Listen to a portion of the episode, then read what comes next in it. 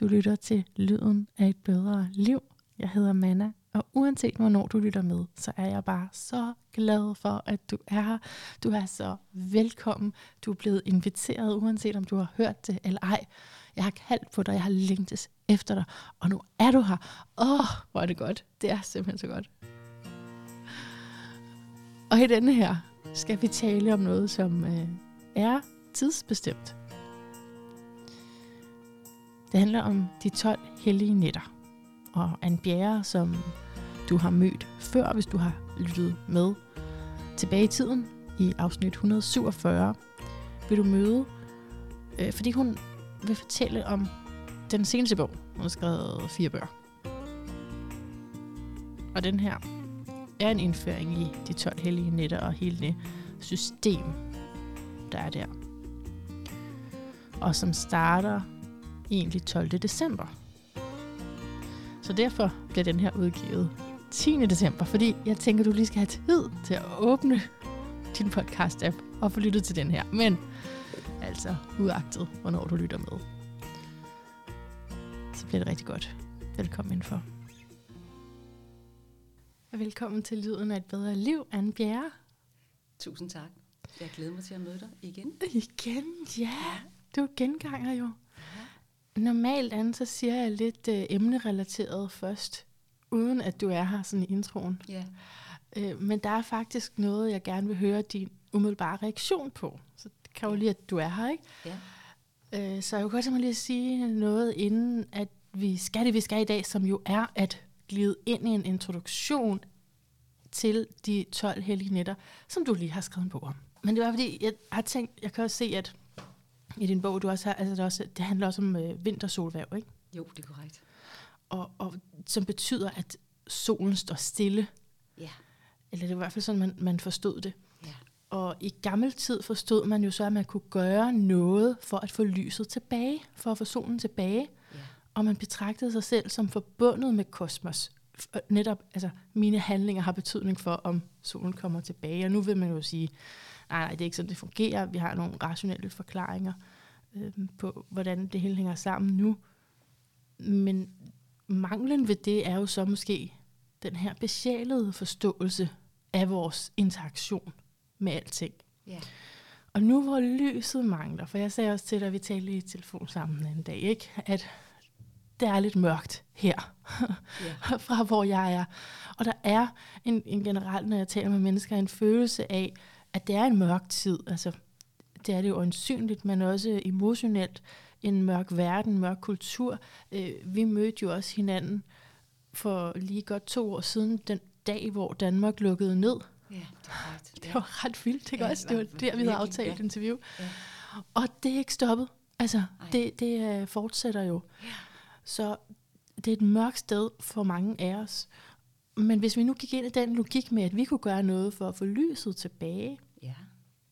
så kan man måske se det her som en ekstra potent tid til at genfinde det lys, vi har mistet, eller den besjælethed, fantasifuldhed, Ja. livfuldhed, meningsfuldhed, Ja. Ja. som ellers er gået tabt. Så det er sådan et spørgsmål til dig, om det, er- om, om det er korrekt forstået, og det håber jeg, fordi Ja. Det er sådan, jeg selv, øh, det, det, det, det håber jeg. Jeg er selv sådan en indebrændt skaber, der virkelig har brug for fornyelse og magi, Ja.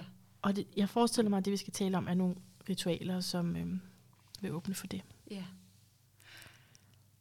Ja, altså min bog den hedder De 12 hellige nætter, kærlighed, lys og nærvær. Og en moderne guidebog til en urgammel praksis. Og det, det der er i den her bog, som vi kommer dybere ind i, det er, at det er en invitation til, at den her, kan vi sige, på den ydre side mørke tid, hvor solen den går mere og mere på held, indtil vi når det, der hedder vintersolværv, hvor solen nærmest er helt borte for at dø, som man tænker i den keltiske tradition, og for at fødes dagen efter, at her er det måske, at den ydre sol er væk, men i virkeligheden er der måske en indre, hvad kan vi kalde det, åndssol, eller noget inde i os, en kim inde i os, vi kan nære de her nætter. Mm. Og der kan man sige, at da jeg har skrevet bogen her i år, så har den været undervejs i flere år, og jeg har set, at mange andre i virkeligheden også arbejder med de 12 hellige nætter. Måske for nogle af lytterne det er nyt, men det er ligesom det har været ligesom sådan en, en underskov, kan man sige, ude i bevidstheden. Og jeg tror, vi kommer til at høre mere omkring det, det omkring de 12 hellige nætter, så det er bare et ydmygt bidrag til det. Og netop for at bringe det ind i det, du spørger mig om i den her tid, vi lever i, mm. det er, at måske at vi også får en, kan vi sige, mere og mere øh, syn på, at mit liv eller dit liv, det er ikke kun en ydre vandring, men det er lige så meget en indre vandring, at få endnu mere fat i det indre landskab, at begynde, begynde at nære det indre landskab. Og vi kan også kigge på den måde forstået, at vores dejlige juletræ, som er en gammel, gammel tradition, at vi har træet, der kommer ude fra naturen, så har vi nedenunder juletræet, der har vi alle de her gaver, og op på toppen, der har vi så den her stjerne. At måske har der været en tendens til, at der har været meget fokus på gaverne, kan man sige. Det er den ydre rejse på det jordiske, det materielle. Og så kan man sige, at det her det er en invitation til også at kigge op mod stjernen, at der er noget, noget åndeligt inde i os, der gerne vil fødes. Og der kan man sige, at vores, vores rødder, kan man sige, er i den, den, den, kristne, den kristne verden, hvor at man kan sige, Jesus Kristus spirituelle lærer, mm. at måske i hu med det, kom han for at, kan man sige, at du og jeg skulle få vækket vores iboende lys, glæde ind i hjertet, at det får det mere i spil. Måske netop den her jul, at kigge mere den retning end hele tiden i det ydre, så kigge ind mod det indre. Og der er nogle ting, der jeg lige også skal spørge ind til, men, ja, der, øh, men så det vil sige, at du svarer på det her. Altså, den mørke tid og følelsen af, vi ved ikke, hvad der kommer til at ske med vacciner og mere og flere sygdomme og nedlukninger klimaet, du ved, der er så mange ting at blive yeah. deprimeret over, yeah. og så måske ens egen lille eksistens midt yeah. i alt det, yeah. så siger du, at der er noget større at tabe ind i. Ja, altså, Eller er det bare mig, der håber, du siger? Nej, nej det, det, det, vi, det vi kan bruge det, det hele nettet til, det ja. er, jamen, vi kan i hvert fald bruge det til, kan man sige, nu går vi dybere ind i det, at der er noget, der hedder de forberedende helgenetter, der starter natten mellem den 12. og 13. december, øh, og går frem til julenatten den 24. og 25. og den 24. og 25. frem til den 4. og 5. januar, så er det selve det hellige netter. At den første forberedelse, det er i virkeligheden at få ro på mig selv. Altså i virkeligheden øh, bare en helt basic om morgenen, at tænde det her sterinlys, få ro på mig selv. At jo mere ro jeg har i mig selv, du har i dig selv, Manna, mm. at så kan man sige, huh, så er vi allerede nået en god bid derhen, ikke også? Ikke? Mm. At lukke verden lidt for en stund ude. Jeg siger ikke, at vi skal mm. isoleres, men få den indre ro, ja. og forbinde os med det inde i os, som til hver en tid er en dyb fred og ro herinde. Ja. At, at gøde vores indre der, de her forberedende hellige nætter, som er i virkeligheden bare en lille praksis, der ikke behøver at tage andet end fem minutter hver år om morgenen, mm. og lige om aftenen også at takke for alt det, der har været i løbet af dagen, at få fokus på i virkeligheden også alt det gode, der er. Yeah. Taknemmeligheden for alt det gode, der er. Yeah. Vi kan hurtigt falde i den ene grøft, mm, kan man sige, det. Yeah. den mørke grøft, og verden forsvinder ikke, men vi kan også kigge på, at der i virkeligheden mm. i et menneskes liv og dit liv, mm. mange ting at være taknemmelig for. Yeah. Um, ja. Så de her ritualer, som du skriver om i bogen, ja. og som jeg går ud fra en del af en kristen mystik.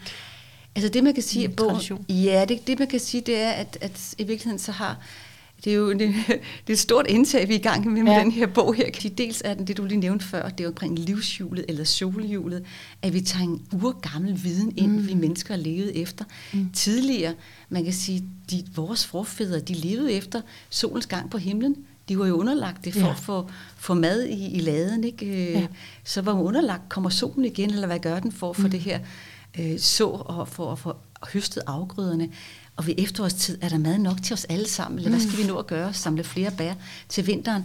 At komme ind i det her jul, den praksis, som man levede under, og ved mørketid, som nu, jamen, der sprudlede man ikke rundt, der trak man ind i, mm. i den indre, kan man sige, kerner Arne. Jeg skal lige sige, faktisk før den kristne ære, kan vi sige, ja. 2000 år tilbage, der havde man også okay. den her praksis okay, det med det, det her. Ja. Hvis vi lige holder den tilbage, også helt tilbage, mm. der kan man sagtens sige, at vi kan tage til Sydengland. Du kender godt Stonehenge, de der store... Stonehenge, ja. Stonehenge, ja, præcis.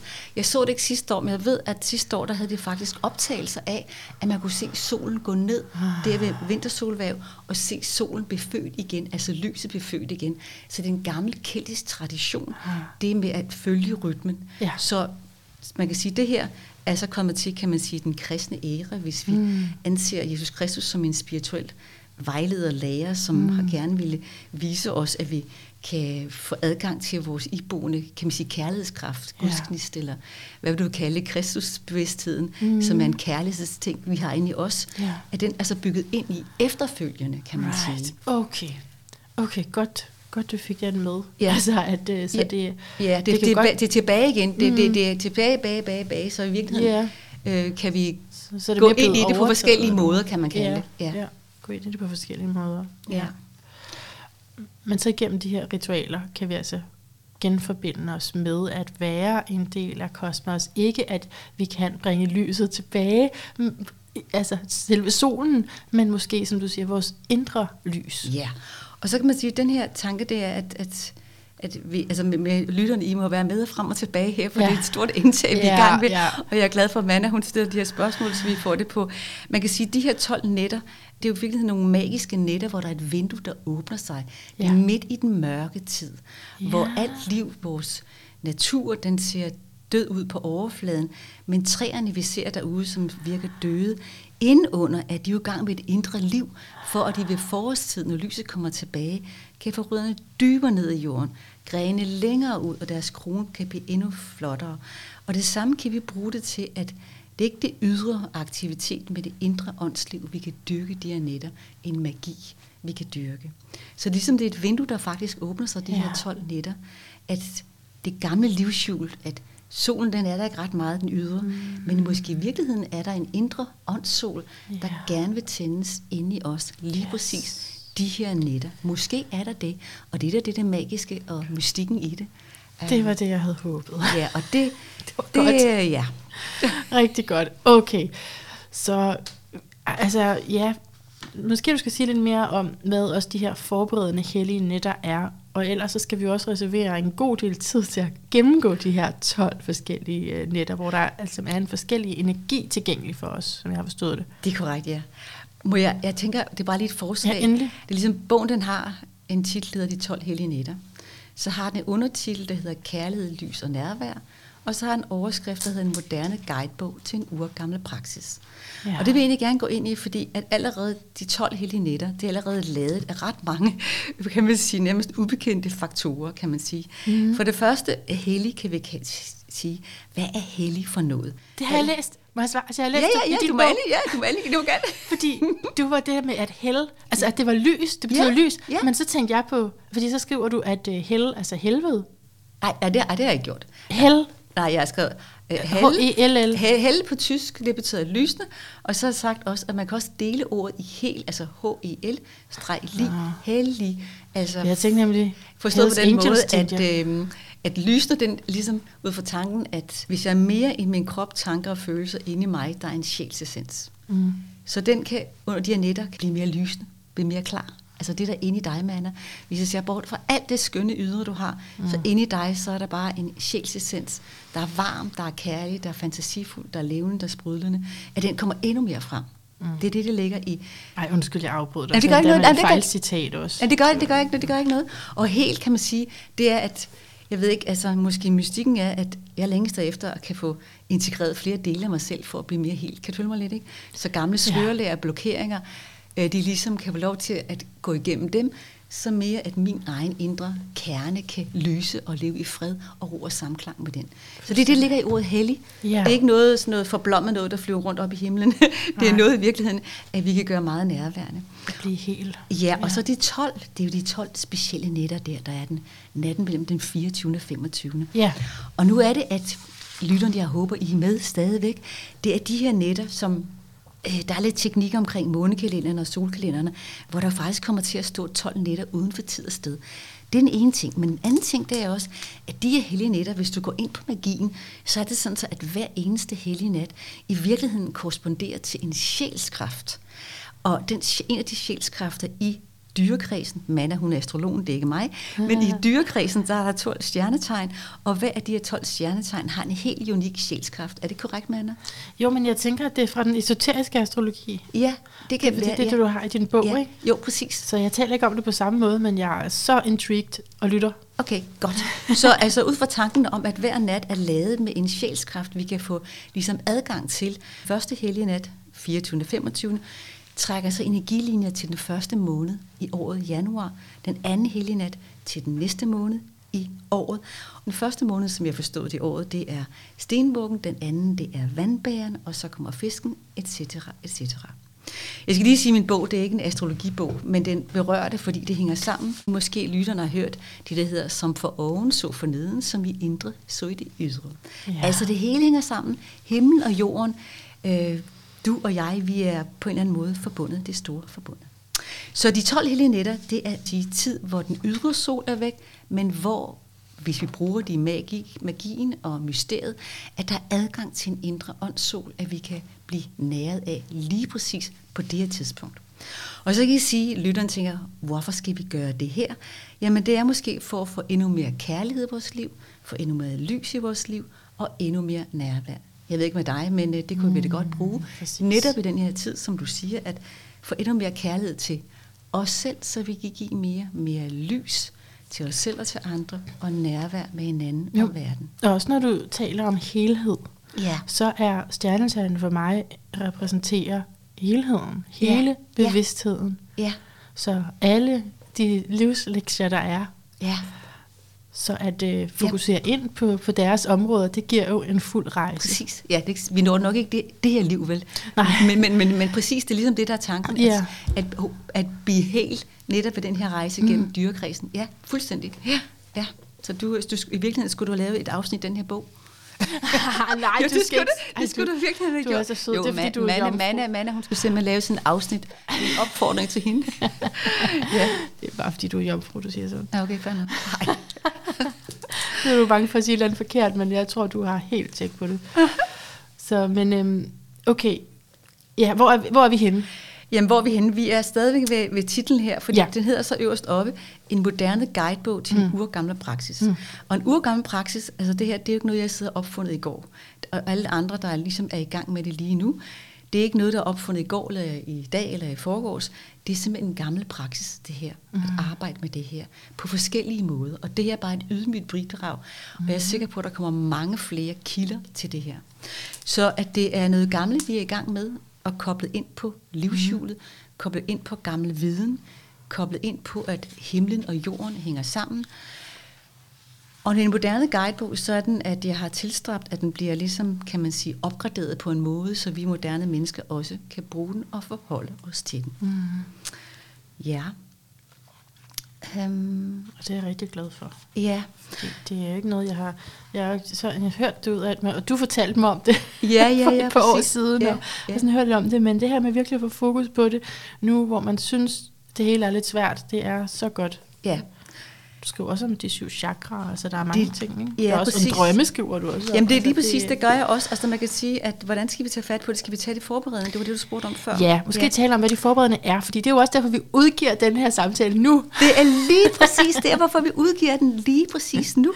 Fordi det der er, det er, at... Øhm, at kære lytter, I, øh, hvis I har lyst til det her, I kan enten google til noget hellige netter et eller andet sted, købe bogen uanset hvad, men det er en, en stor kærlig invitation til at bruge den her tid lige nu her, faktisk, natten mellem den 12. og den 13. december, frem til den 24. og 25. og derfra de særlige hellige nætter. Det er en invitation til virkelig at dyrke det indre liv, altså lad det ydre liv få lov til at få fred for en stund, og gå ind og nære din egen indre kilde for at finde noget ro, fred, kærlighed og lys og glæde, ikke mindst glæde herinde. Og det starter nu, og ikke først 24. december? Nej, fordi det der er, altså, det er ligesom, der er noget med det her magi 12, 12, 12. Mm. Øh, der er jo de her 12 stjernetegn, de 12 måneder, de 12 disciple. Det her 12, det er, som du selv lige sagde før, helheden. Og dyrekredsens 12 stjernetegn danner en helhed. Så 12 er en, en cyklus, kan man kalde det. Og de første forberedende, der starter der natten mellem den 12. og 13., det er min personlighed. Og hvad betyder det? Det er simpelthen for ro, for grounding, for balance i mit liv. Mm. Sådan så jeg ligesom får lidt mere overskud til at være et dejligt, kærligt menneske, som jeg måske virkelig ønsker gerne vil være. Så jeg kan tage imod for næsten... Præcis, nemlig fordi, nemlig, fordi det er jo ligesom, at, at her på vej ud til dig, der kørte du meget stille og roligt, men hvis jeg nu kørte i overhalingsbanen mm. og havde speederne i bund, mm. hvordan skal alt det gode så i virkeligheden nå mig? Det kan du ikke nå mig på nogen som helst måde. Så det handler om, at det her, de 12 forberedende netter, det er at sætte kadencen ned. Altså, så om morgenen kan være bare at tænde det her lys. Uh, du har måske et kalenderlys, mm. et sterinlys. Og når du tænder det lys, så i virkeligheden at få, forbinde dig med dit åndedræt. Simpelthen. Mm. Træk vejret ind, og træk vejret ud. Det er helt banalt, men det er en rytme, vi er en del af i vores liv. At få den her ro og den her balance. Og så giv dig lige det at takke for nattens hvile, søvn, måske drømme. Og så har jeg gjort det, at den måde, jeg synes, du kunne gøre det på i de her forberedende netter, det er at lade dig inspirere en det er en gammel herre, der levede tilbage i det 11. århundrede. Mm-hmm. Du kender den måske, øh, kender måske ham godt, kære lytter. Det er Frans af Assisi, som levede tilbage i middelalderen 1181 til 1226. Og så kan du sige, hvorfor skal vi tage sådan en gammel gut frem? Jamen det er faktisk fordi, at han alle de århundreder tilbage, der kom han med et vidunderligt skriv, der hedder, gør mig til redskab for din fred. Altså, gør mig til redskab for din fred, og lad mig så kærlighed, hvor der er had, tilgivelse, hvor der er uret, og tro, hvor der er tvivl, håb, hvor der er mørke, og glæde, hvor der er sorg. Hjælp mig til ikke bare at søge trøst, men at trøste.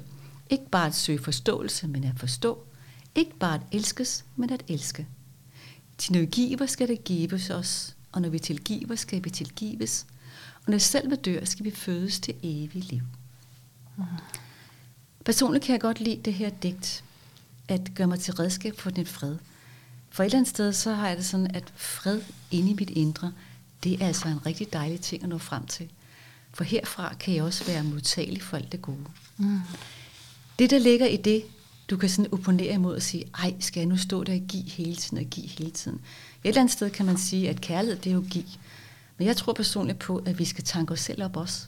Altså for at jeg kan give uh, og være nærende og omsorgsfuld for dig, Manna, så skal jeg også sørge for at kunne tanke mig selv op. Så de forberedende hele netter handler lige så meget om også at tanke dig selv op, altså virkelig fornære dig selv. Og jeg har sådan en lille skriv, jeg tænker lidt, men hvis nu du var en blomst, hvad for en mm. blomst vil du så være? Åh oh, nej, jeg kan ikke navne på blomster. Ja, så en eller anden, bare en okay, eller anden. Du, I hvert fald en lyserød en. Ja, okay, hvad, hvad for en lyserød blomst skulle det være? Bare en eller anden. Hvad, hvad, hvad, hvad det er bare, hvad der lige dumper ned i dit hoved. Jeg kan kun, så kan jeg sige rose. Ja, en, en lyserød rose. Ja. Okay, så kan man sige, hvis jeg nu kunne købe dig over i et eller andet blomsterhandel, ja. så vil der jo være en eller anden sådan, sådan, sådan plejer du den her lyserød rose, sådan så den bare står fuldstændig i flor. Den skal have lidt sol, den skal have lidt vand, den skal have lidt adspredelse, skal den stå sammen med nogle andre. Øh, den kan godt lide at få lidt god musik, og bare blive sådan nørse om, og du taler til den en gang imellem. Ja. Og der tænker jeg på, at jeg tror ikke, vi er så langt væk fra, fra kan du følge mig lidt? Mm. Så hvad er opskriften på, at du har det godt? Mm. Og jeg mener, der er ikke ret mange tankelæsere derude, kan jeg lytte. Altså, vi vil gerne have, at de andre, de ligesom kan opfylde mine behov, før jeg sådan nærmest selv ved. Men jeg tror personligt på, at jeg skal ligesom selv være lidt også klar på, hvad mine behov er, og så bede om det. Ja. Yeah. Og så, så tror jeg, så ligesom, ligesom, så ligesom nærmest en lille næringsliste vil jeg inspirere læserne til at lave yeah. øh, på din egen plantetræ, hvad det nu er at Ej. hvad skal der til for, at du har det godt og trives? Kan være sådan en lille kærlighedsopgave her i, eller ja, opgave. Altså, så får jeg lyst til. En lille anekdote. Altså, ja, det var, absolut. Det var der sådan en sang ikke, af Bruno Mars, der ja. hedder If I Was Your Man, eller When I Was Your Man, noget af den stil. Ja. Og øh, grund til, at jeg kommer til at tænke på det, fordi han har en strofe, der hedder I should have bought you flowers. Ja.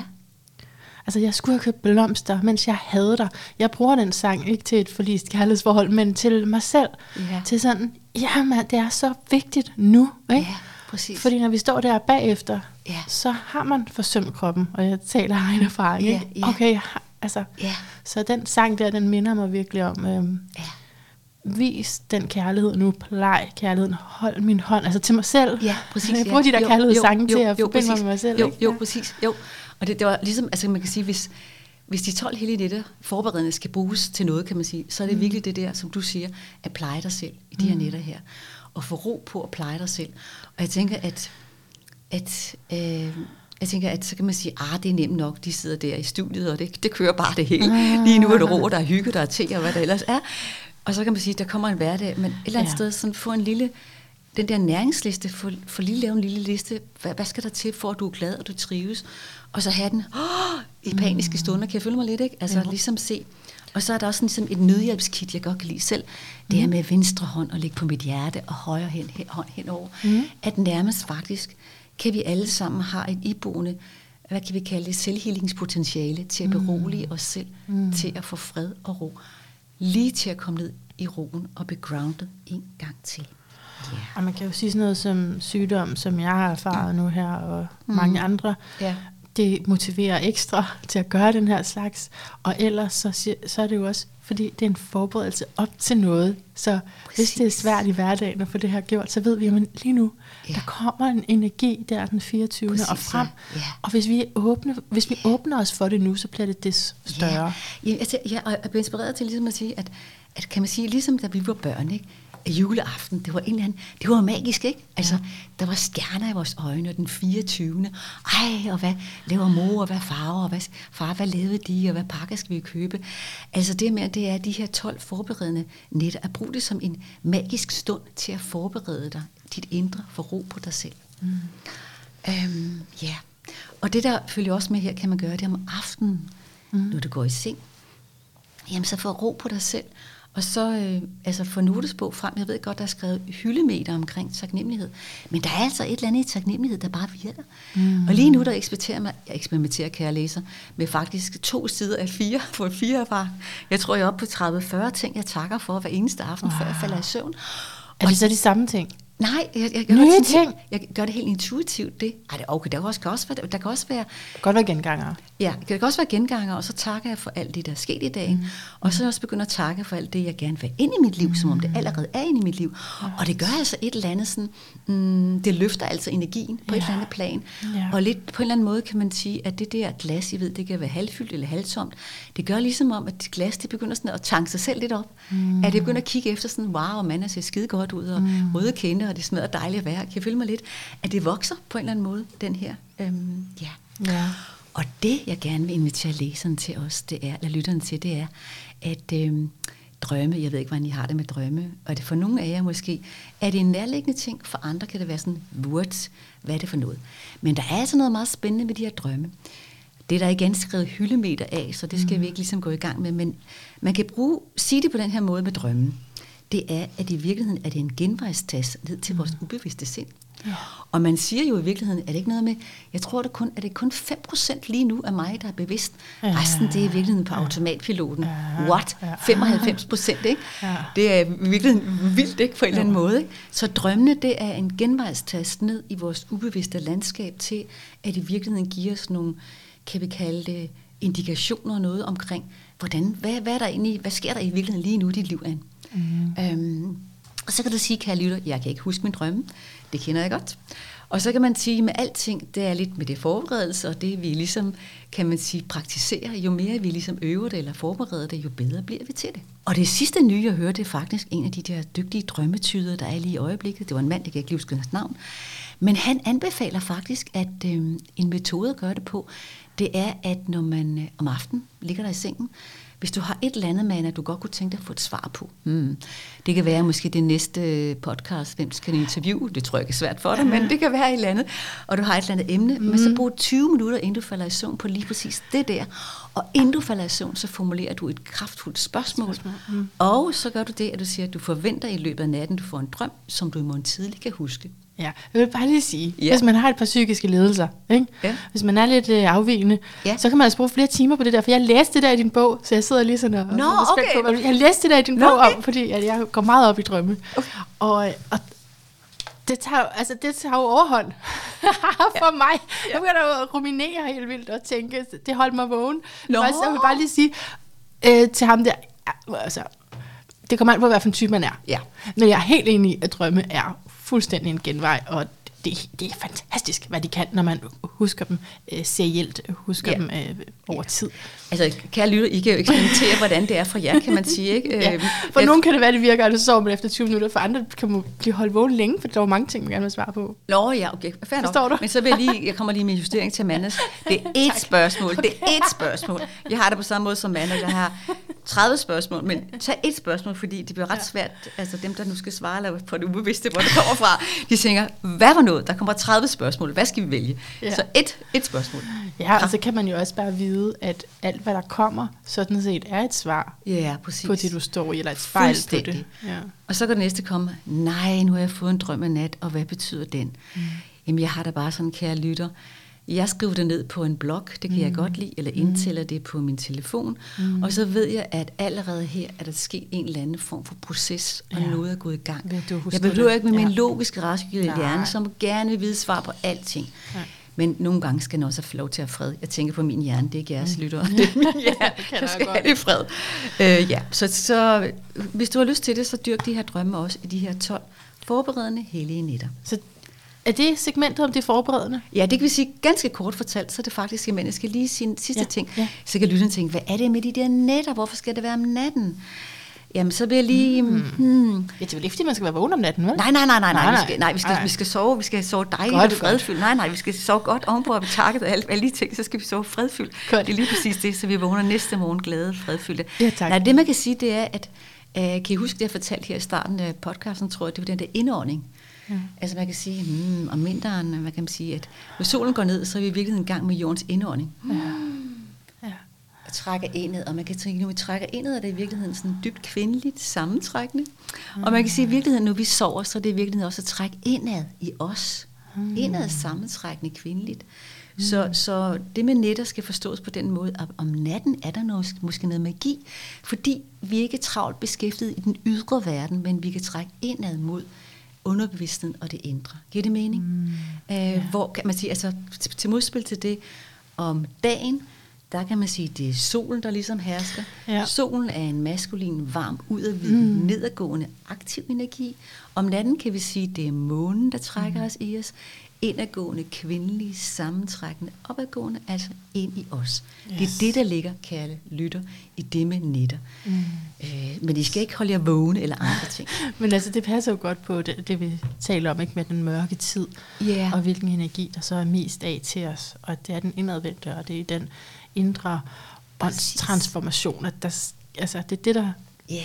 virker. Ja, og også, jeg tænker, jeg ved ikke, hvordan I har lige i øjeblikket, lytter. Jeg har sådan, de sidste par dage, de sidste uge, har I grebet mig i, jeg føler mig sådan, hvad kan man kalde det, ikke så sprudende på den udrette energi, men sådan lidt mere, i min verden, jeg plejer at være i gang med 100.000 ting, jeg skulle til at sige, men Ja. sådan lidt mere rolig, eller mere afslappet, og jeg tænker, what? Men jeg har faktisk givet lidt efter, og, og bare hvile lidt og være i det. Og det tror jeg også ligger i tiden, og måske netop i det her år, at give tid til hvile og komme dybt ned i lagene, og få roen og freden. Vi når det hele, det vi skal. Jeg tror, der er en mening med, at vi skal nok nå det hele. Så kom ned i den dybe fred og ro. Absolut. Jeg vil lige sige en sidste ting her omkring de forberedende hele nætter, fordi Ja. at lytteren har bemærket, at vi slutter der natten mellem den 12. og den 13. december. Og den 13. december, der er det jo der, hvor alle, øh, mange gange piger og drenge, de har hvidt tøj på og lys på hovedet, og vi fejrer Santa Lucia. Og det står der lidt om i bogen også, faktisk. Ja. At det er helt tilbage fra af det 3. århundrede, hvor en ung kvinde levede på Sicilien. Et meget kærligt, smukt, lysende kvindevæsen, som ville gøre noget for de her øh, fattige, sultne mennesker i Sicilien på det tidspunkt. Og i og med, at hun kun har to hænder, som vi mennesker har, og gerne vil gøre noget om aftenen for de mennesker, så satte hun et lys op på sit hoved, og så havde hun hænderne frie til at gå i gaderne og hjælpe de fattige. Der står mere om det her, men det, det er i virkeligheden Ja, hende, okay. Santa at vi fejrer. Ja, Nå, præcis. Okay. Lucia, vi fejrer, kan man sige. Ja. Så ja. Alright, men så er vi kommet. Ja, og næsten, og ikke helt, fordi... At, Ikke helt, har du mere inde? Okay. ja, jeg håber, at læser, lytterne de er med. Jeg siger læserne, lytterne de er med. Øhm, ja, fordi vi, vi tager tilløb til de her 12 Ja, helligdage. det kan jeg mærke, Vi. ja. vi tager virkelig store Man tilløb skal til. ikke bare lige og det, det er ligesom, jeg har nævnt det på gangen, det er dit vindue. Det er et magisk Ja. vindue, der åbner sig her. Det er simpelthen en portal. Det er ligesom et portal, der faktisk åbner sig, hvis vi går med på magien, og det er ligesom det, der ligger i det. Og tilbage til det, hvor børn, hvor, altså det, det, vi var børn, der kunne alting lade sig gøre, ikke? Der havde, der kan være min hjerne, den var ikke så logisk og rationel, men dum, hver en idé og hver magi, den kunne man blive, troede, lige at nu, den sig ligesom dræbt ved hver, men dengang, der var Ja. ligesom, ej, der Ja, var magi. troede det, ja. Man troede ligesom på det, ikke? At der, julemanden kom, og hvad det ellers var. Mm. Og ligesom få den der få den barnlige glæde tilbage igen. Mm. Altså selvfølgelig med vores ben på jorden, ikke? Også ikke sund mm. fornuft, ikke?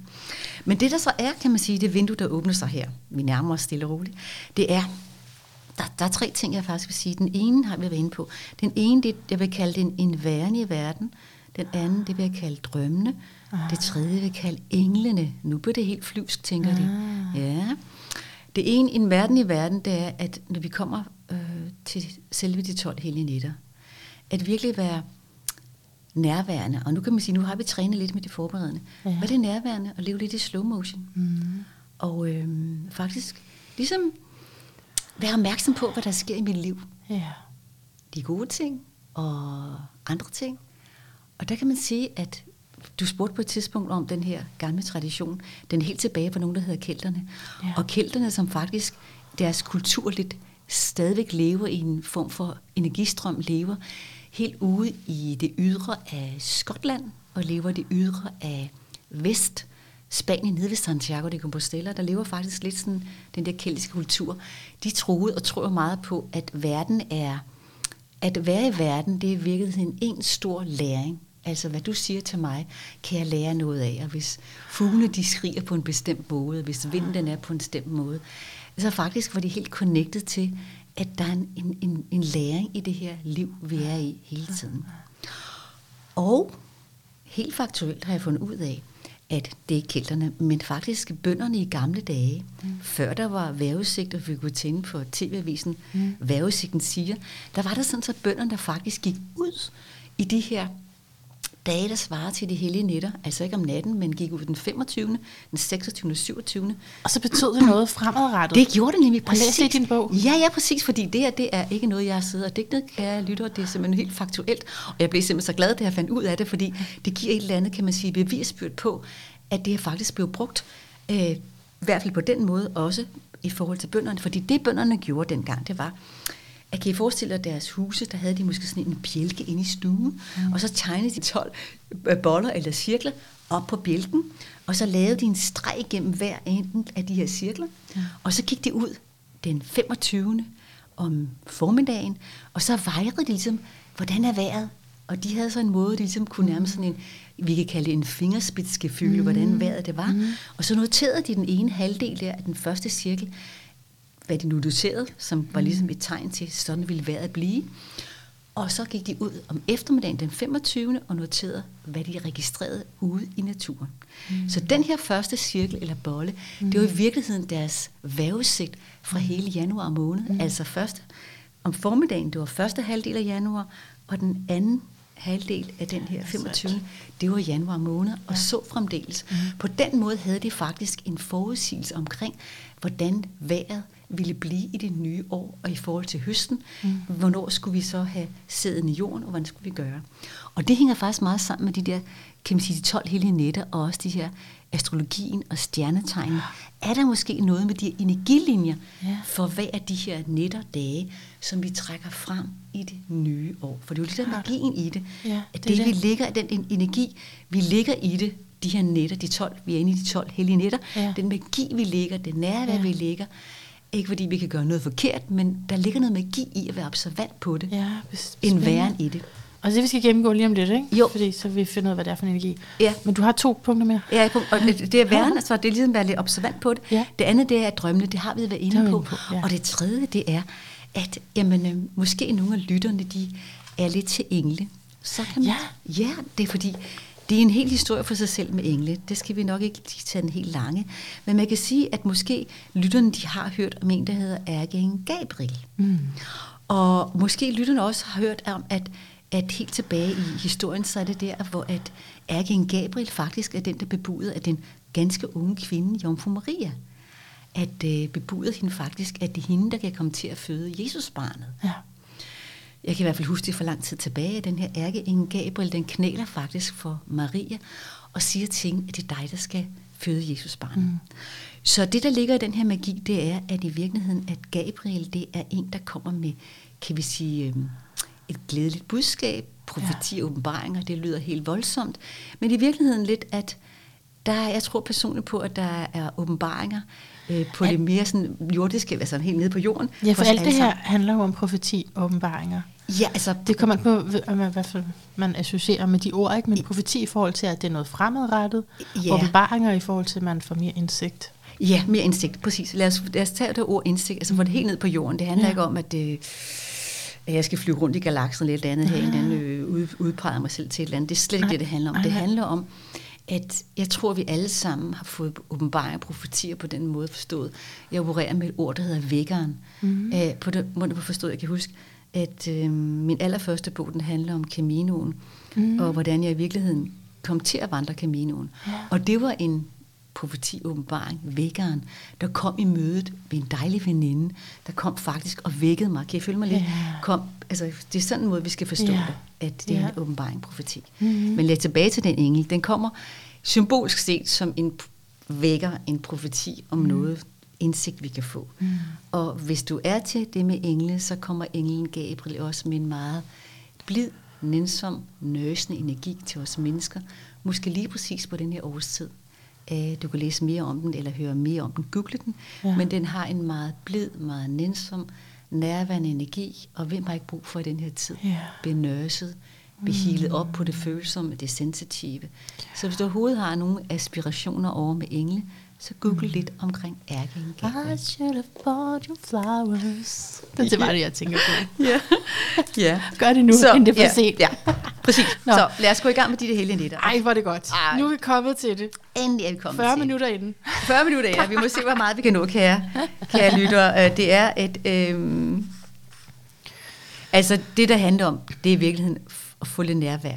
Man Ja. behøver ikke gå i den dybden. Men det, Nej, men det er meget ret at vide, hvad får jeg så i gave? det, du får i gave, du får er mere 24.. kærlighed, lys og nærvær. Ja. Du får mere øh, selvindsigt, du får mere Ja. selvkærlighed, og du får mere... Um, ja, altså, julen bliver...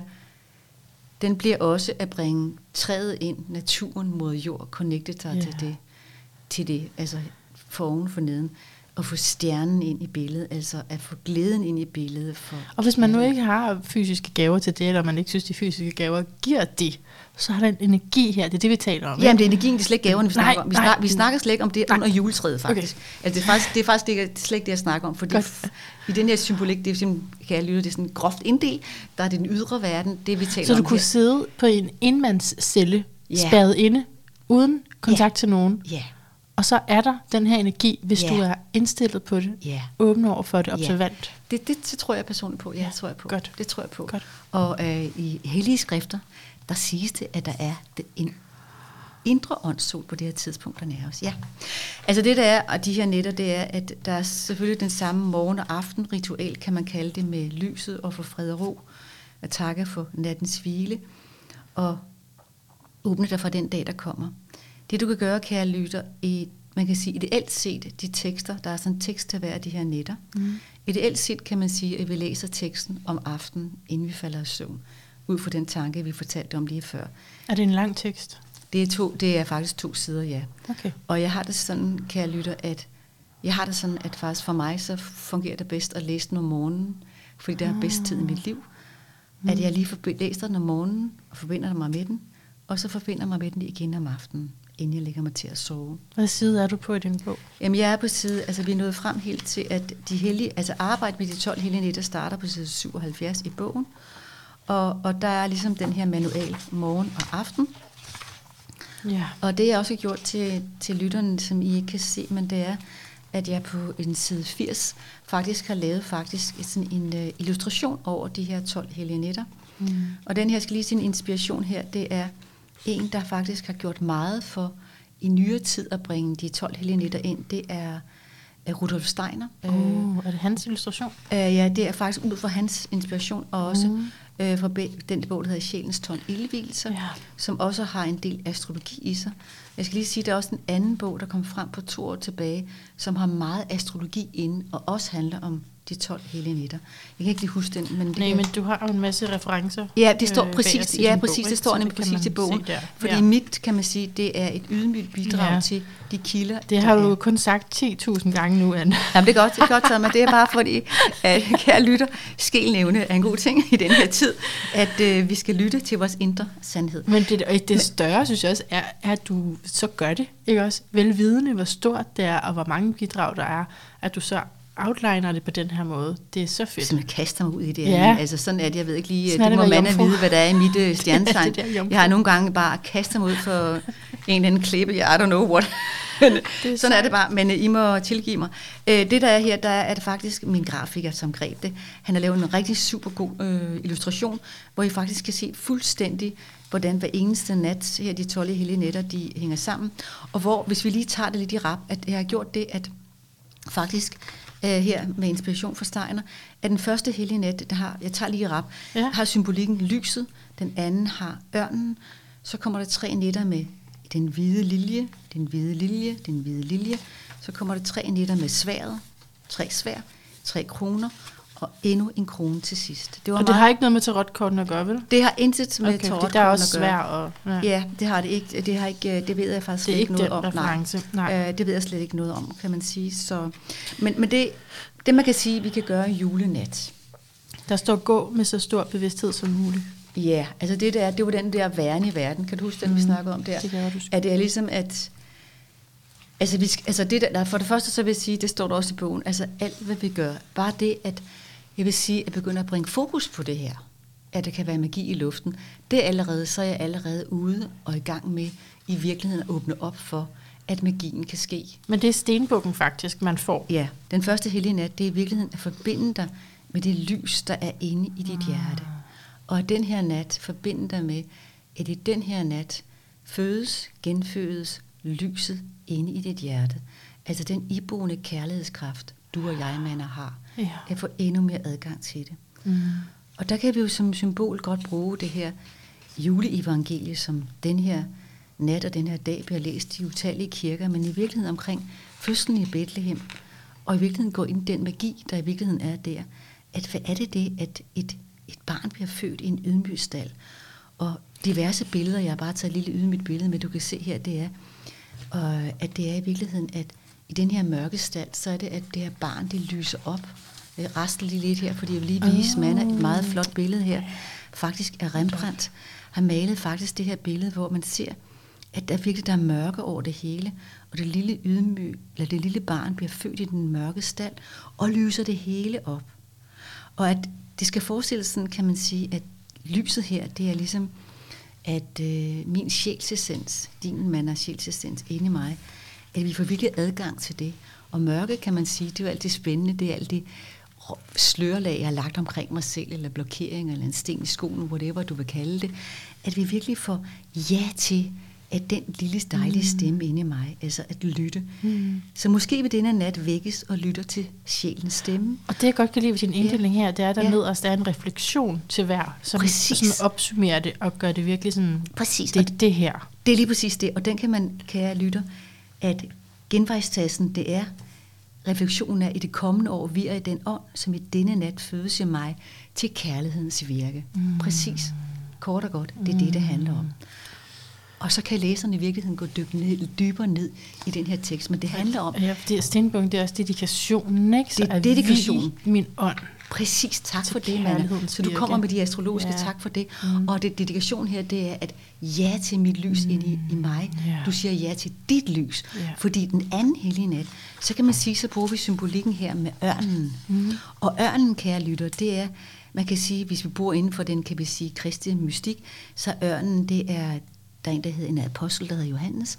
Og Johannes, det er ham, som Jesus måske elskede allerhøjst.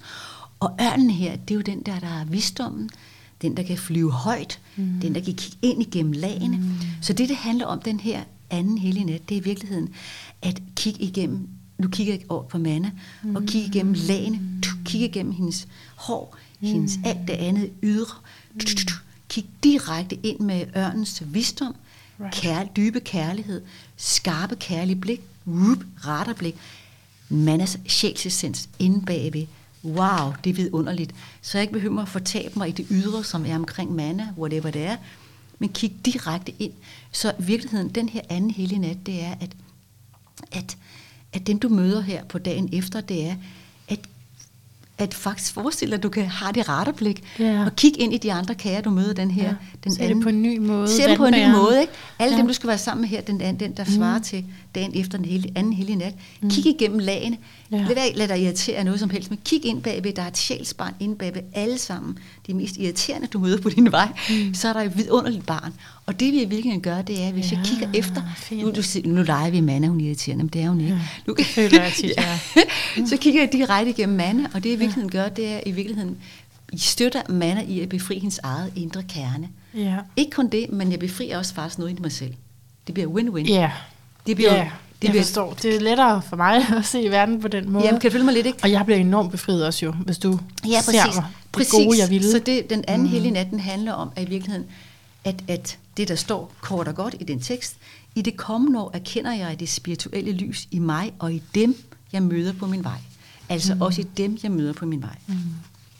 Og det, jeg lige skal sige til jer, kære lytter, det er, når I går i gang med det her øh, praksis, de ting, der står på hver øh, af det, der følger til de, hver hellige nat, kun praktisere det. Kan I følge mig lidt? Ikke? Man skal ikke begynde at sådan, gud, hvad skete der der?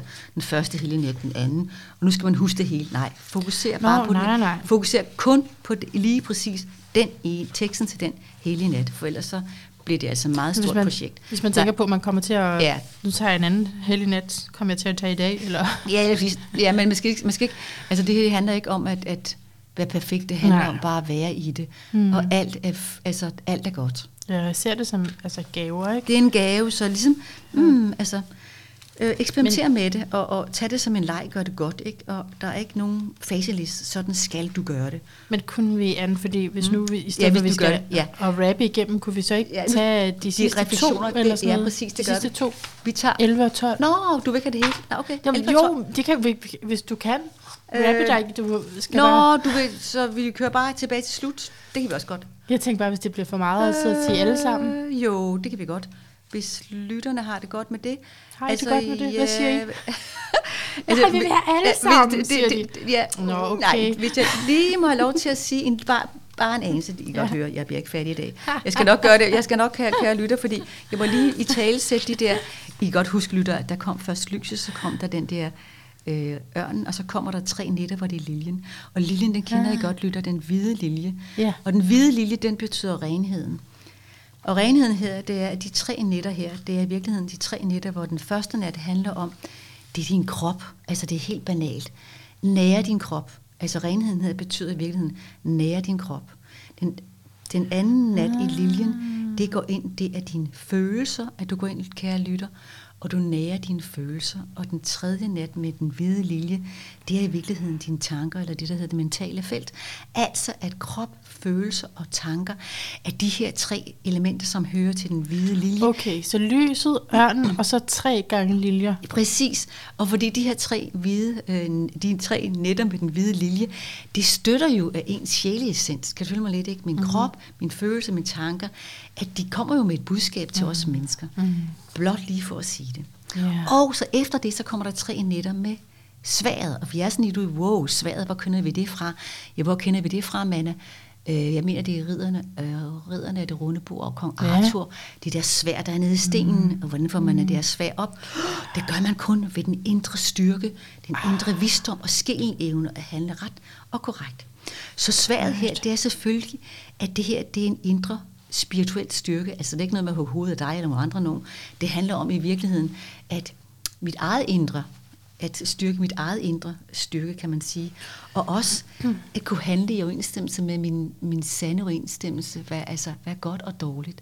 Og der er livet i virkeligheden en meget spændende rejse mellem dualiteterne, lyset og mørket, og det bliver vi ikke lige færdige med i aften eller i dag, eller men det er en spændende rejse, du kan læse mere om på den her side. Ja, Så den første ja. nat med sværet, det er indvidelse af sværet, at vi har to sider. Den jordiske og den mere åndelige. Den anden nat med sværet, der har vi faktisk fået slangen med ind i spillet. Og slangen her i virkeligheden kender du fra helt tilbage fra Adam og Eva. Det må du læse om, kære lytter. Men i virkeligheden handler det om i virkeligheden at få adgang til ens iboende frihed. Og frihed for mig er ikke en pose penge. Det er i virkeligheden Mm. jeg kan være fri inde i min sjælessens. Ja. I virkeligheden at få lov til, Manna, at stråle. Altså frihed, det er i virkeligheden, at du stråler. Du er fri til at være dig. Kan Det er jo også den besjæling, jeg startede med at tale om, ikke? Altså Jo, den jo, kontakt præcis. til dig Præcis, selv. præcis det er akkurat det er den frihed, vi alle sammen, tror jeg, længes efter. Også fordi, det kan jo blive taget fra en.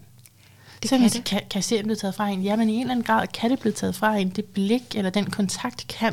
Det kan det sagtens undervejs i livet. Altså, livet har jo sin, sin, sin, sin veje, ja. ups and downs, ud og ind. Altså, mm. sådan er jo livet, ikke? Mm. Og det er sådan en helt læreproces i sig selv. Men nogle gange, hvis jeg tænker på mit eget liv, så nogle gange, så har der været lidt, lidt langt fra mig selv, kan man kalde det, ikke? Men det, det, jeg ved, det er bare, at glæden og meningsfuldheden, den kommer de gange, hvor jeg kommer tættere på mig selv og min egen indre frihed. Yeah, og sorgen det. i virkeligheden er de gange, hvor jeg har mistet mig selv undervejs i livet. Ja. Altså det synes jeg virkelig, at selvfølgelig også sorgen, hvor andre, som ikke har det godt, og de nære, men altså ens, mit eget sjælsbarn, er kommet langt fra sig selv, Ja. har der givet mig en enorm sorg de gange, hvor jeg har erkendt det.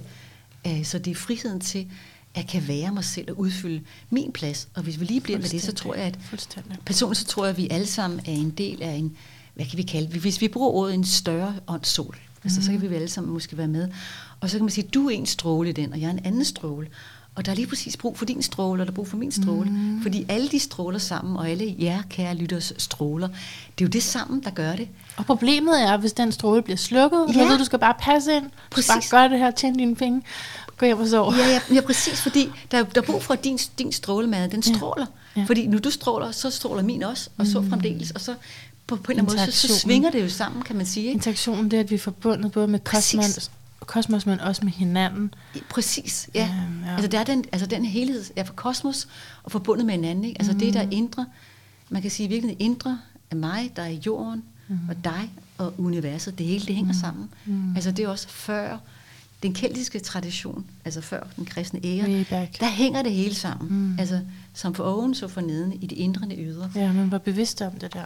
Præcis, der var meget, måske mere end måske jeg har været undervejs i mit liv, connected til det, kan man sige. Ikke? Og det tredje nat med det her svær, det er så, i virkeligheden, at, at øh, med forlov, øh, kære lytter, korset, det er et meget gammelt symbol, meget gammelt symbol, at i virkeligheden betyder også, at jeg står inde i korset, altså forbundet med det himmelske, det spirituelle, og også det jordiske. lodret og vandret. Yes, lodret og vandret, og i midten, hvad har vi der? Hjertet. Der har vi hjertet, præcis, som ligesom binder det hele sammen, præcis. Så ligesom at det er, øh, vi kan også lige sige som et ja, uendelighedstegn, der var en, der Ja. meget dejlig person, der fortalte mig her for nylig. Man kan også tage et liggende uendelighedstegn, Mm. mm. at den ene side, det er det åndelige eller spirituelle, den anden side er det jordiske, mm. og i virkeligheden får det til at mødes i midten. Ja. Og vedkommende Fint. sagde til mig, at nærmest som en sommerfugl, kan du følge mig lidt, ikke? Mm. at sommerfuglen kan rigtig øh, flyve og baske med sine vinger, når både det åndelige og det jordiske er forbundet, så har jeg to vinder. Ja. Ja, begge dele er nødvendigt. Og de tre næste netter, det er Mhm. de tre øh, dedikeret til de, de her kroner. Det er Og kronerne, ja. Kronerne, ja. Og en krone, så kan man tænke, wow, er det en, der har været ude og hugge hovedet en masse og vundet en masse jord og gjort det her? Men det er slet ikke det, der ligger i det. Det er et gammelt symbol også. En krone betyder, det er noget, vi har gjort os fortjent til. Ja, værdighed, tænker jeg på. Værdighed til for eksempel, Mm. det er en udmærkelse, det er en indvielse, det er faktisk en, en, hvad kan man sige, en sejr over, hvad kan man kalde det, min lavere natur, hvis I får Uh. lov. Altså det er virkeligheden, Så nu er vi over i de sidste tre. i, nej, nej, vi er over i de, vi, i de over, Ellevte? ja, vi er over i faktisk nummer 9, 10 og 11. Nat. 9 til 11, okay. Ja, og der kan man lige sige, at lige nummer 9, det der hører til den krone, eller det der hører til det her omkring kronen her, det er Ja. ydmyghed.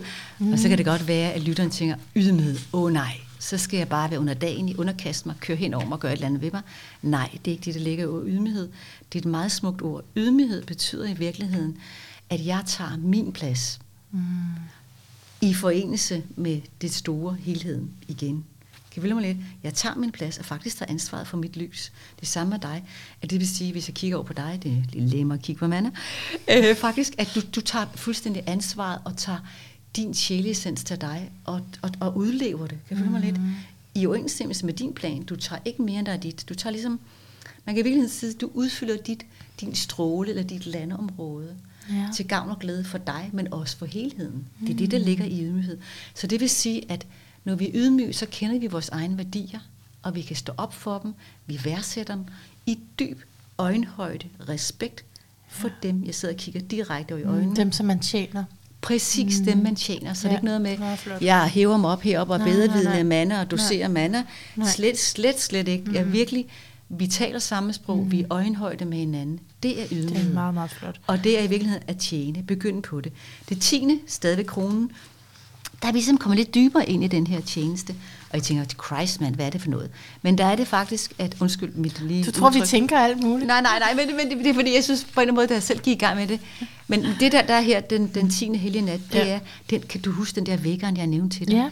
Det er virkelig en vækkeren, og den, jeg er sikker på, lytter, I har mødt vækkeren flere gange i jeres liv. Det er den indre stemme. Den indre stemme, det er vækkeren, hvor vi pludselig tager en kursændring i vores liv. For mig var det dengang med Caminoen, at det gjorde det, at, øhm, at pludselig, bum, jeg havde aldrig troet, jeg skulle ud og vandre. Der er andre gange også, en gang en anden gang, jeg kan huske, at for lang tid tilbage, hvor jeg tog et voksenpædagogisk kursus, jeg ville det ikke, fordi jeg ville ikke stå og undervise foran andre og blive filmet på optaget og blive uh, modtage kritik, men havde en drøm om natten af en, jeg kendte dengang, der hedder Annette. Hun bankede i bordet. Dum! Nu har du bare taget dig sammen og gå op til den eksamen. Og det var for mig den indre vækker, der faktisk den indre stemme sagde, du overvinder dig selv her, og der vil vise sig, at noget godt kommer frem. Så jeg er sikker på, at alle, og du, jeg er sikker på det, inden vi er færdige med den her udsendelse, så har Manna mødt en til flere stemmer, der har talt til hende. Absolut. og det kan I læse mere om i den 10. hellige nat. Og den 11. hellige nat, der kan man sige, der er det uh, opbygning af Gralsborgen. Gralsborgen. Og hvad er gralen for noget? Er det noget, der et bære, der opsamler Jesus blod? Er det en grøn sten på naturen, eller er det en indvielsesvej? Det er måske en blanding af det hele, men i virkeligheden er gralen allermest øhm, at gå den indre vej, at komme overens med sin egen sande natur, og dele også med ens sider, kan man kalde det. Altså, at jeg lærer mine, det jeg betragter som mine gode sider, og også det, jeg måske tænker, åh nej, er det, det er min ligesom, hvad jeg selv tænker, mine skyggesider, men som er, måske i virkeligheden er mine styrker. Altså, det, vi taler om udtrykket, man bruger det i udtrykket, den hellige gral, eller? Ja, præcis, en hellig gral, ja. Det er, sådan helt, det er en helt historie i sig selv, men vi mm. bruger gralen som i virkeligheden... Men hvad er det? Er det en grav? At man kan sige, at det er i virkeligheden komme endnu tættere på sin egen iboende kærlighedskraft. Det er ikke en fysisk ting? Nej, det er ikke Nå, en okay. fysisk ting. Det er, en, det er, en, det er iboende også, som Okay, okay, jeg okay, forstår okay, det. okay, okay. Så er det en iboende inde i mig, at det er den, det er gralen, det er mit, min kærlighedsevne, min, hvad kan vi kalde det, kristusbevidsthed, min evne til at være tjene kærligt menneske. Du skriver meget fint i refleksionen her på side 114. Ja. Jeg erkender min egen indre tærskelvogter, Ja, og jeg handler efter mit hjertes fulde skaberkraft. ja. Og tærskelvogteren, det er ligesom, Mhm. hvad kan vi kalde det selv, det er i virkeligheden på vejen at lære mig selv at kende. Altså, mm, jeg ved det godt nu, jeg har været, altså, hvad kan man kalde det? Altså, re- re- reflektere over livet, så jeg ligesom, ikke fordi jeg hele tiden skal blive bedre og bedre, men på en eller anden måde er det vel en læring, tænker jeg, at livet, at, at få det så godt med mig selv og mine medmennesker, som jeg kan, kan, kan virkeligheden. Det er, altså, det er fordi, du er jomfru, og, og det jeg elsker, at du lige gennemgik det her med, hvad ydmyg egentlig betyder. Fordi Okay. en lavere version af jomfruen vil jo føle sig måske ydmyget, måske af sig selv. Ja, Altså, så det du, alt det, du beskriver der, det er virkelig sådan den, den høje grad af jomfruen, altså- som jo er i os alle sammen. Men øh, du har så bare Ja. mange temaer omkring det, så, Ja. så man kunne netop gå over i, jeg skal bare forbedre mig, forbedre mig, jeg er aldrig Nej, god nej. nok. Men, men den højere udgave er at se, hvor godt kan jeg gøre det, og hvorfor så ikke Ja, øh, altså, gøre det tror, så godt? Altså, der er alt, altså, man kan sige, tak, tak for det. Ja. Altså, det, altså, jeg vil sige, at nu vi, alt her, det er, at en dyb, altså i virkeligheden, at holde af sig selv, respektere sig selv, Mm. den jeg er nu. Ja, Det er jo det, jeg er lige nu, yes. ikke, som menneske, ikke? Og jeg skal ikke hige efter noget, jeg skal være der, hvor jeg er. ja. Men derfor kan livet jo godt være en lige så meget en indre rejse som en ydre rejse. At øh, få det endnu bedre med mig selv, og få det endnu bedre med mine medmennesker, og dem, Ja. jeg holder af. Men jeg tror, det er kun for det sted af accept, Ja. at du kan gå er- din gode jomfruvej. Det er accept. Fordi altså, uden den, så bliver ja. Det en hine. Så, så i virkeligheden kunne der have været et afsnit også, tak for det, Manna, der hedder accept. Altså, Ja. når vi starter en rejse. Altså accept, accept, accept af mig selv. Det er mm. udgangspunktet. For hvis, Mhm. hvad jeg har gjort mange gange undervejs, sådan sidder og ikke slår mig selv i hovedet, men kan man sige meget kritisk, det kan Mhm. en jomfru godt være. Mm. Jamen, det, det bringer jo ikke nogen steder hen, kan man sige, vel? Fordi så er jeg allerede, så er jeg allerede skåret en del af mit eget, hvad kan man sige, energi væk. Ja. Jeg amputeret mig selv, hvis man kan sige sådan. Så den sidste hellige nat, er vi ikke nået frem Jo, til den det der? gjorde vi på, tror på sådan, magisk at, vis, øhm, kom vi helt herhen. Det er godt Øh, gået. og i virkeligheden, så kan man sige, at der åbner man sig i virkeligheden, at kærligheden er den eneste hersker og skaber, den eneste konge. Kærligheden er min bue og min pil, mit løfte og min løn. Altså, det er ud fra kærlighedens tanke, at, at måske er det kærligheden, der holder hele, der er klistret, der holder det hele sammen. You never know. Og det, jeg har gjort her, det er også, at den, de 12 hele nætter, den, den slutter faktisk der. Det er nat, den sidste hele nat, det er natten mellem den 4. og den 5. Og så har vi den 6. januar, og så har vi hele tre konger. Mm-hmm. Så det slutter faktisk der. Og der er der faktisk, jeg synes det er meget glædeligt. 6. januar. Ja, der er mm-hmm. faktisk mange steder, man øh, er begyndt at, at, at festligholde de her hellige, eller den her hellige tre konger igen. Og faktisk for gamle tid, den, der er mange historier her, den 6. Mm-hmm. januar her, så, øh, så siger man, at øh, man betragtede det som en særlig aften, hvor man tog varsler om fremtiden, og derfor benyttede mange folk sig til en anledning til at se ind i fremtiden på netop den her dag.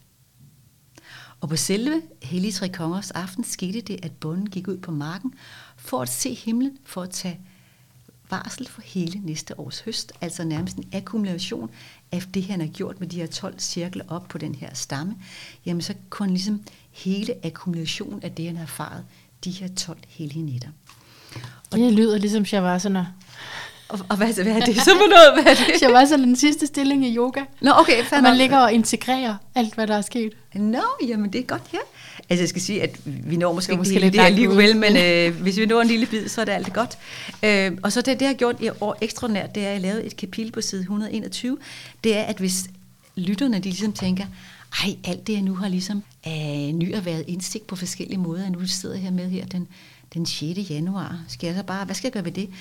Der har jeg bare sådan, at hvis du har lyst, så kan du faktisk inddele alt dit materiale i nærmest 12 shachecker, eller små, 12 små bunker, der svarer til de her 12. Hvad for noget materiale skal vi inddele i 12? Ja, altså, vi sprang, vi sprang lidt, lidt lettere hen lidt ja. og elegant over det, men det er faktisk det, jeg faktisk inspirerer til i bogen, det er, at man faktisk tager sin god gamle notesbog frem. Ja. Der med de 12 hellige nætter, ja. selve de hellige nætter, og der faktisk registrerer, ligesom en god gammel dagbog, hvad sker der i løbet af dagen, bemærkelsesværdige ting, og også registrere, hvis I har haft nogle drømme, øh, at registrere dem faktisk her under de her 12 helinetter. Og så kan vi tage det frem her den 6. januar og inddele det faktisk efter hver helinet, og så kan vi arbejde med det i det nye år og se, om vi i virkeligheden kan være ligesom bundemændene og lave en form for lidt, øh, hvad kan vi sige, indikation af, hvad der sker i januar, februar og marts måned. Ja. Allersidst i bogen har jeg gjort det for dem, der er interesseret i de her engle, så har jeg beskrevet fire ærkeengle, men det kan I jo til gode at gå ind og kigge på dem. Det er en god julegave, skal vi ikke bare sige så? jo, det Lige at, øh, at give denne her på. Ja. Det er helt klart det værd. Øhm, kæmpe arbejde, du har gjort. Så Anbjerg, Hvordan har du det? Ja, har du godt? Ja, det Eller kan du løbe et maraton Jeg, jeg tænker på lytteren derude. Jeg håber, I er med nu. Det er, en stor, jeg vil sige, det er et stort indtag, vi har været i gang med her hos Manna. Hun, hun gør et eller andet med, folk har lagt mærke til. Hun trykker på nogle knapper, så der, dude. Hun har sådan en genvejstest til hendes øh, det hun interviewer. Så går man i gang. Ja. Ja, men det var virkelig spændende. Og, og jeg glæder mig til også at høre det igen. ja. altså, så man kan høre det flere gange. Yeah. Det var der en hel masse information. Ja, yeah, det må man men, sige til. Men vi sprang jo let og elegant over til et horoskop, fordi at det no. har vi øh, leget lidt med sidste gang. Okay. Men i hvert fald kunne jeg godt tænke mig, at du trak kort, yeah. som også er baseret på astrologi. Okay. Og så øh, til sidst kan jeg spørge dig om, hvad din lyd af et bedre liv er, så kan du så ser vi jo, hvad der sker der. Okay, hvad, der, jeg synes, jeg har flere bunker her foran mig. Ja, de, de jeg, jeg synes, vi skal prøve at tage de gule der, så hvis du bare lægger dem ved siden af hinanden, ja, okay. øhm, og bla, du kan blande dem hver for sig, for det ene er planeter, og det andet er tegn. Der er ikke så mange af dem? Altså det, øhm, hvorfor er det ikke så mange? Jamen det er fordi, det er jo så, der er jo så, øh, så 12 tegn, ikke? Og, okay. og, og planeter. skal man bare tage en øvelse, eller hvad? Øh, jamen, og så måske lige sætte en intention for, hvad du gerne vil have svar på. Ja, hvad vil jeg gerne svare på? Der, der. Jeg har ligesom mandet de der, var det ikke 39 spørgsmål? Nu skal jeg fokusere, hvad vil jeg gerne svare på? Ah. Eller en situation, der skal tale ind i. Det kan det være. Ja, ja. Skal, jeg skal ikke sige det højt, hvis Det bestemmer selv. Okay. Så kan bare, vi får jo svaret. okay, jeg tager. Ja, ja. Det er jo en personlig proces, så ja. du behøver ikke sætte ord på det for os. Nej. Okay, ja. vi ser. This one, Leo. Løven, ja. Og den anden punkt. Pluto. Pluto og løven. Og ja. sådan, yes, yes, yes. Jamen altså. Ja, Skal lige se, hvad du selv har. Nå, du er jo øh, Pluto i jomfru-generationen, men du har Uranus i løven. Ja, så får du selv nogle associationer, når du ser de billeder? Altså, jeg er jo ikke astrolog. Altså, løven for mig, det er sådan... Altså, min mormor hun var løve. Ja. Sådan, brrr, du ved, hun får gjort tingene, og sådan, Ja. dong, sådan virkelig meget varm, kærlig kvinde, og sådan, men meget sådan, hmm, Ja. Det er skaberkraften Ja. og udfoldelsen Ja, det må man sige til, ja. ens egen kreativitet. meget sådan virkelig sådan ild, og sådan, tu, Sådan var hun. hvad? Sådan var hun. Ja, sådan virkelig varm og gør tingene. Ja, sådan, også ligesom, mm, hvad kan man kalde det, øh, der var ikke, altså, selvfølgelig var der indre dialog, men, men hun gjorde det. Ja, Så gør vi det. right. Yes. Så du har fået et liv, hvor du har haft meget mere indre dialog. Hvad siger du? Du har fået et liv, hvor du har haft meget mere indre dialog. Ja, det kan vi sige, ja, Nogle gange ja. så tager man jo over, hvor de andre Ja. slap, ikke? Og Okay, yes, okay, yes. Gå i gang med det, så de ikke fik Ja, hun levet. var sådan lidt, Så det har du gjort. ja, Okay, og så Pluto, altså det er jo destruktion og genopbygning. Ja. Altså der er en uværligt en forandring, der skal ske med Pluto. ja, Der, hvor vi har Pluto, der er Ja. noget, der skal omstøbes. ja, Så en omstøbning af dit kreative virke, og faktisk nu kiggede jeg på dit horoskop, inden du kom, Mhm. mm-hmm. så vi har stået over for det her måneknudeskifte, som der også kommer noget om her i podcasten. ja, Øhm, og der har du haft der de her, øh, det her halvandet års tid, har du haft måneknuderne igennem, mm. hvad vi kan kalde huset for kommunikation og udgivelser. aha. Ja, Ja, så ja. det er jo altså Ja, meget ja, passende, ja, ikke? ja. Og, øh, og det bevæger sig så ind i øh, nogle dybere steder i det, og kan vi sige, at alt sammen er dybt, når vi går. Ja, ned ja, i det, ja, ja. men, øh, Ja. men som handler mere om altså at, øh, at lande i kroppen, og måske er det mere, ja, du, jeg ved, du også laver retræter, altså Ja. det kan være, der kommer mere fokus på den proces frem for skriveprocessen, som jeg forestiller mig er en anden ja, ja. aktivitet, ikke? Altså det er Jo. vel en mere mental aktivitet, og selvfølgelig er der også en masse organisatorisk, du er jo jomfru omkring også retræter, men, men det her mere embodied, det er sådan noget, jeg vil se, der, der kommer. En gang til, I hvad det det kommer mere hvad? Embodied, kropsligt gjorde det. Ja, okay, ja. Det giver mening, ja. Altså, det man kan sige, det er, at øh, det jeg spurgte om, det var omkring mit, øh, mit, min virke, kan man kalde det. Okay, ja. Fordi det har en sådan kraftig øh, fornemmelse af, at det er i en voldsom transformation. Right, jamen, så du trækker planeten for transformation. Så, så det, det, det meget er, flot. og, og man kan sige, at netop altså, den tid, fra faktisk vi mødte hinanden der, Ja, det er meget, det er meget sjovt. Det er, ikke, det er ikke en cyklus, der er afsluttet, men i virkeligheden, den præcis, har jeg virkelig fokuseret meget på, hvad kan man kalde det, min, øh, hvad kan vi kalde det, spiritualitet. Hvis Ja. vi kan sige det sådan, og faktisk øh, været i gang med et forløb i den her tid, øh, akkurat, som har, kan man sige, styrket mig i at komme tættere på min sjælsessens, og være tættere connected på den, og kan sanse, at øh, det, jeg kommer til at lave fremadrettet, øh, det er ikke fordi, det ikke har været dybt, det jeg lavede Nej, før, det er slet ikke det, men det får bare sådan en, øh, et, et par spadestik dybere det ned, tror jeg på. kan man sige. Altså, Det tror jeg på. øh, Faktisk, hvis jeg, må lige komme ja. ud på det.